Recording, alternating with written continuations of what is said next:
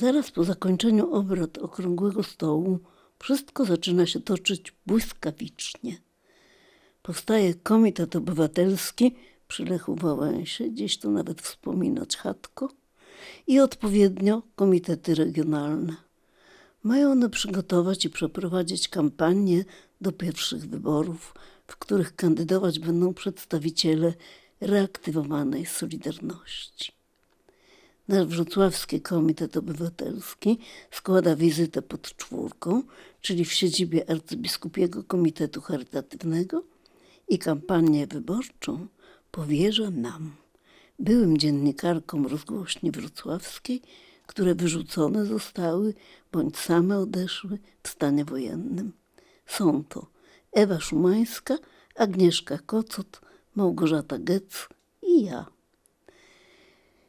No i teraz właściwie Pani Małgosiu mogłabym Panią znowu prosić o szczególną uwagę, bo tu się znów zbliżamy, no może jeszcze nie do Lwowa, ale już do tych czystych źródeł, do prawdy, a w każdym razie do uczciwego radia, w którym na nowo, jak w czasach tamtej pierwszej Solidarności, będzie się mówiło to, co się myśli. A więc prosto i pięknie. Komitet Obywatelski Solidarność. Tak się zaczynają nasze audycje. Wkładamy w tę zapowiedź całą naszą wiarę, nadzieję i miłość. Największe słowa tu padają, ale jakżeby inaczej, bez wielkich słów, kiedy to wszystko wydaje się tak niezwykłe. Są te ośmiominutowe audycyjki w naszej taśmotece na najmniejszych pudełkach z taśmami, no teraz oczywiście w wersji komputerowej.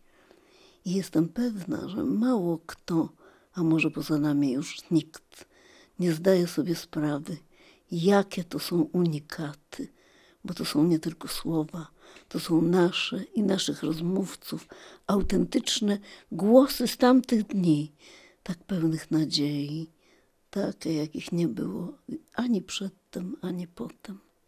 Żadna gazeta tego nie zastąpi. I dlatego tak kocham radio. Przepraszam, że się powtarzam. To są najbardziej wyraziste, najpiękniejsze dokumenty tamtego czasu. Te głosy. Na przykład Ewa Szumańska, aktorka charakterystyczna i jako autorka bezlitosna satyryczka, teraz czyta swoje felietony wyborcze głosem młodej, zakochanej dziewczyny. I to nie jest żadne aktorstwo – to jest najszczersza, najprawdziwsza, najnaturalniejsza Ewa Szumańska, bez pozy i bez szminki. Jest to chyba ta sama, co 45 lat temu łączniczka z powstania, do którego pobiegła z porywu serca, jak na wielką przygodę. A z drugiej strony Agnieszka Kocot, przedtem twarda cwaniara dziennikarska i partyjna, która dobrze wiedziała, gdzie stoją konfitury – Urzeczona autentyzmem tego, co zobaczyła i usłyszała w sierpniu w zajezdni, nie ruszy się już stamtąd aż do skutku.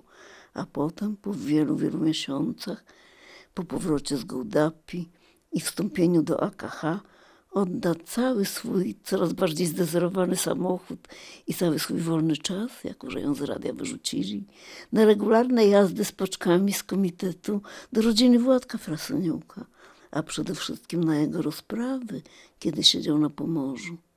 I to jest zaledwie część jej aktywności. Przy audycjach wyborczych współpracują z nami inni nasi koledzy wyrzuceni z pracy i wypuszczeni z internatów. Tadek Łączyński z dzienników radiowych i Tomek Orlicz z telewizji. Obaj to wspaniałe męskie głosy. Kampania wyborcza nie może być przecież prowadzona wyłącznie rozżarzonymi głosami starzejących się, rozegzaltowanych nadzieją pań. Reportersko wspomaga nas Jacek Majewski, niestrudzony wolontariusz, jeden z wrocławskich niegdysiejszych czworaczków, a zaprzyjaźniony aktor Bogusław Kierc uszlachetnia nasze programy poezją kiedy po raz pierwszy po stanie wojennym spotykamy się jak dawniej w studio, spontanicznie, w milczeniu, padamy sobie w ramiona. Ocal mnie, uchroń, wierna podróży, od kłamstwa mego i naszej epoki.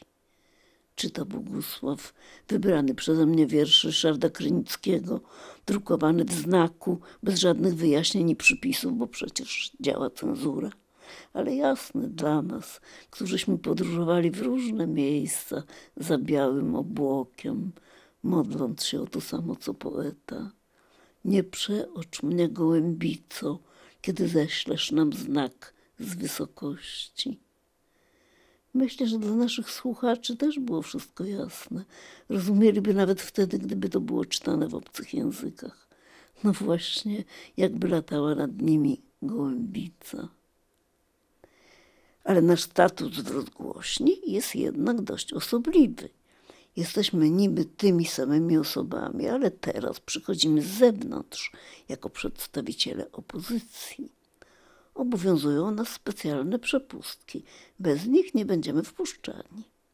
Nasi dawni koledzy patrzą na nas niepewnie i tylko czekają na to, że na przykład nie odpowiemy w porę na dzień dobry, żeby nas już oskarżyć w najlepszym wypadku o zadzieranie nosa. Tym bardziej podejrzliwie traktują nas ci, którzy zajęli nasze miejsca po naszym odejściu. Sytuacja jest o wiele bardziej klarowna niż przed 20 laty, kiedy to chodziliśmy po dwóch stronach tego samego korytarza. Wydzielono nam teraz w redakcji rolnej jeden pokój do pracy, a na montażówki mamy dostęp dopiero, gdy są wolne.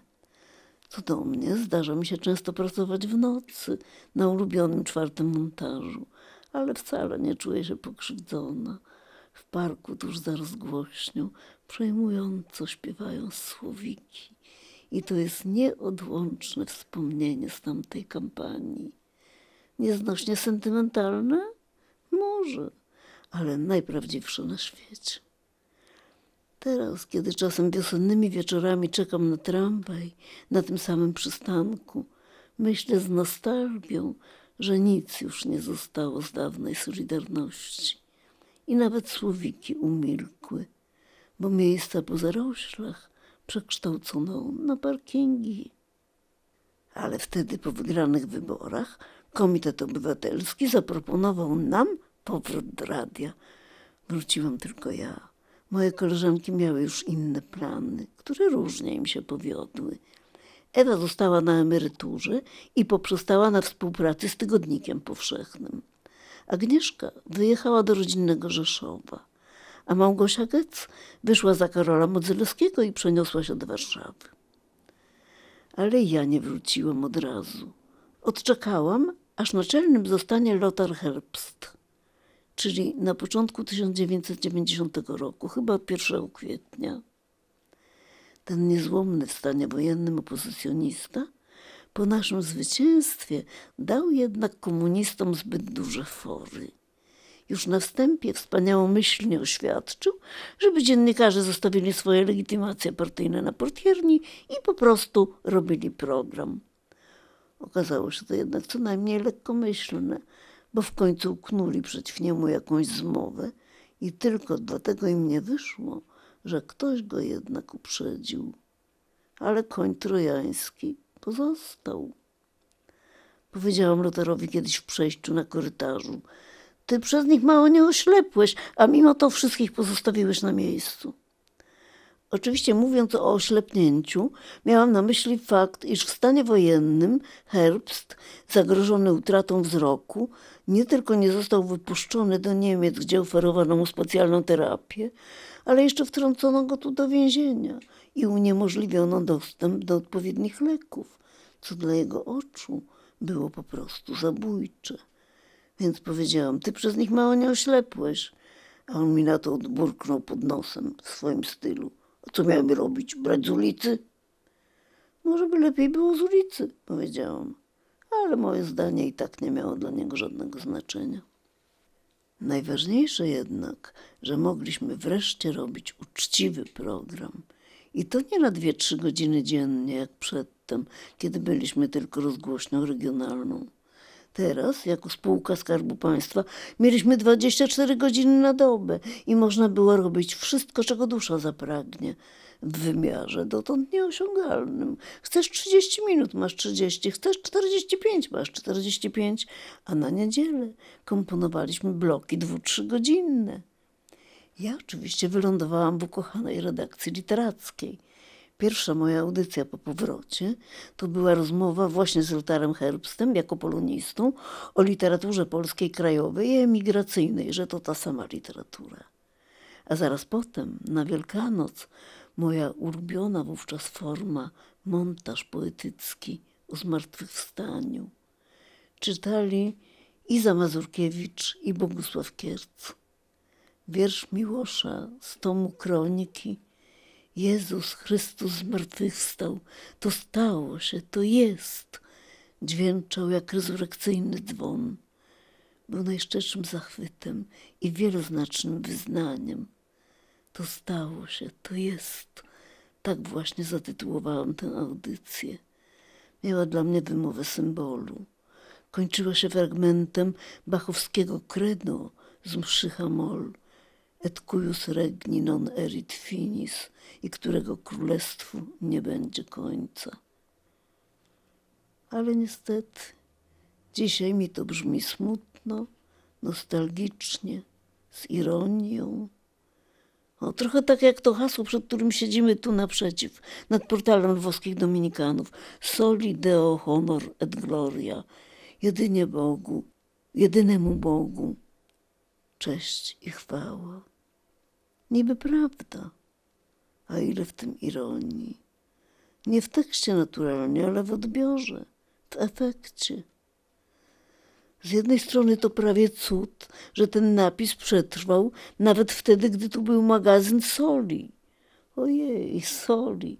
Ileż ja razy o tym mówiłam i pisałam, a dopiero w tej chwili, wierzcie mi naprawdę, dopiero w tej sekundzie dostrzegam, że tu występuje zupełnie przypadkowa, aż śmieszna, prost niewiarygodna zbieżność. Te same głoski, te same sylaby, to samo niby słowo, a przecież lata świetlne różnicy znaczeń. Soli magazyn soli, soli deo honor et gloria, soli deo, jednemu Bogu, jedynie Bogu. No ale co z tego, że napis przetrwał?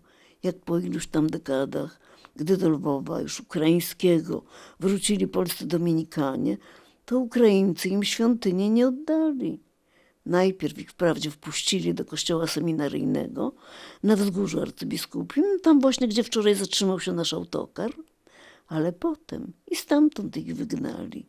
Więc nawet ostatniej pasterki nie mieli gdzie odprawić, bo przyszło około 300 osób, a oni dysponowali tylko malutką kaplicą w kurii. Więc pasterka odbyła się na korytarzu. Nie było miejsca w gospodzie. Także tu z zewnątrz napis łaciński, a wewnątrz liturgia cerkiewna. Z zewnątrz hołd Bogu, a w środku upór, obcość, wrogość. Przed rokokowym ołtarzem wschodnie ikony. No wprawdzie niby ten sam Bóg, ja wiem, to okropnie brzmi, ale to nie jest to samo. Ja tu kiedyś weszłam podczas niedzielnej służby Bożej, to znaczy grekokatolickiej mszy świętej. To było wtedy, kiedy przyjechałam z polskimi Ormianami na 650-lecie Ormiańskiej katedry. Wchodzę, a tu akurat śpiewają credo. A śpiewają wspaniale. I to nie jest koncert, to po prostu lud śpiewa na mszy. Skądinąd do pozazdroszczenia, my im dopiętnie dorastamy z naszym śpiewaniem. I wszystko pięknie ale na miłość boską nie tu, nie u Dominikanów. Więc nie wytrzymałam i uciekłam, choć tak mi było żal, bo tak chciałam tam pobyć, popatrzeć, choćby ścianę pogłaskać, przytulić się, jak do maminego policzka. Tak jak teraz, jak tu dzisiaj z wami, jak godzinę temu w kościele. Ale przez te tłumy nawet się skupić nie sposób i myśl stale ucieka. A chciałam wam przecież opowiadać, jak wtedy po wyborach w wolnej Polsce zmieniało się nasze radio, jak się odradzało, czy właściwie rodziło od nowa, tak jak jeszcze nigdy we Wrocławiu, nigdy przedtem i nigdy potem.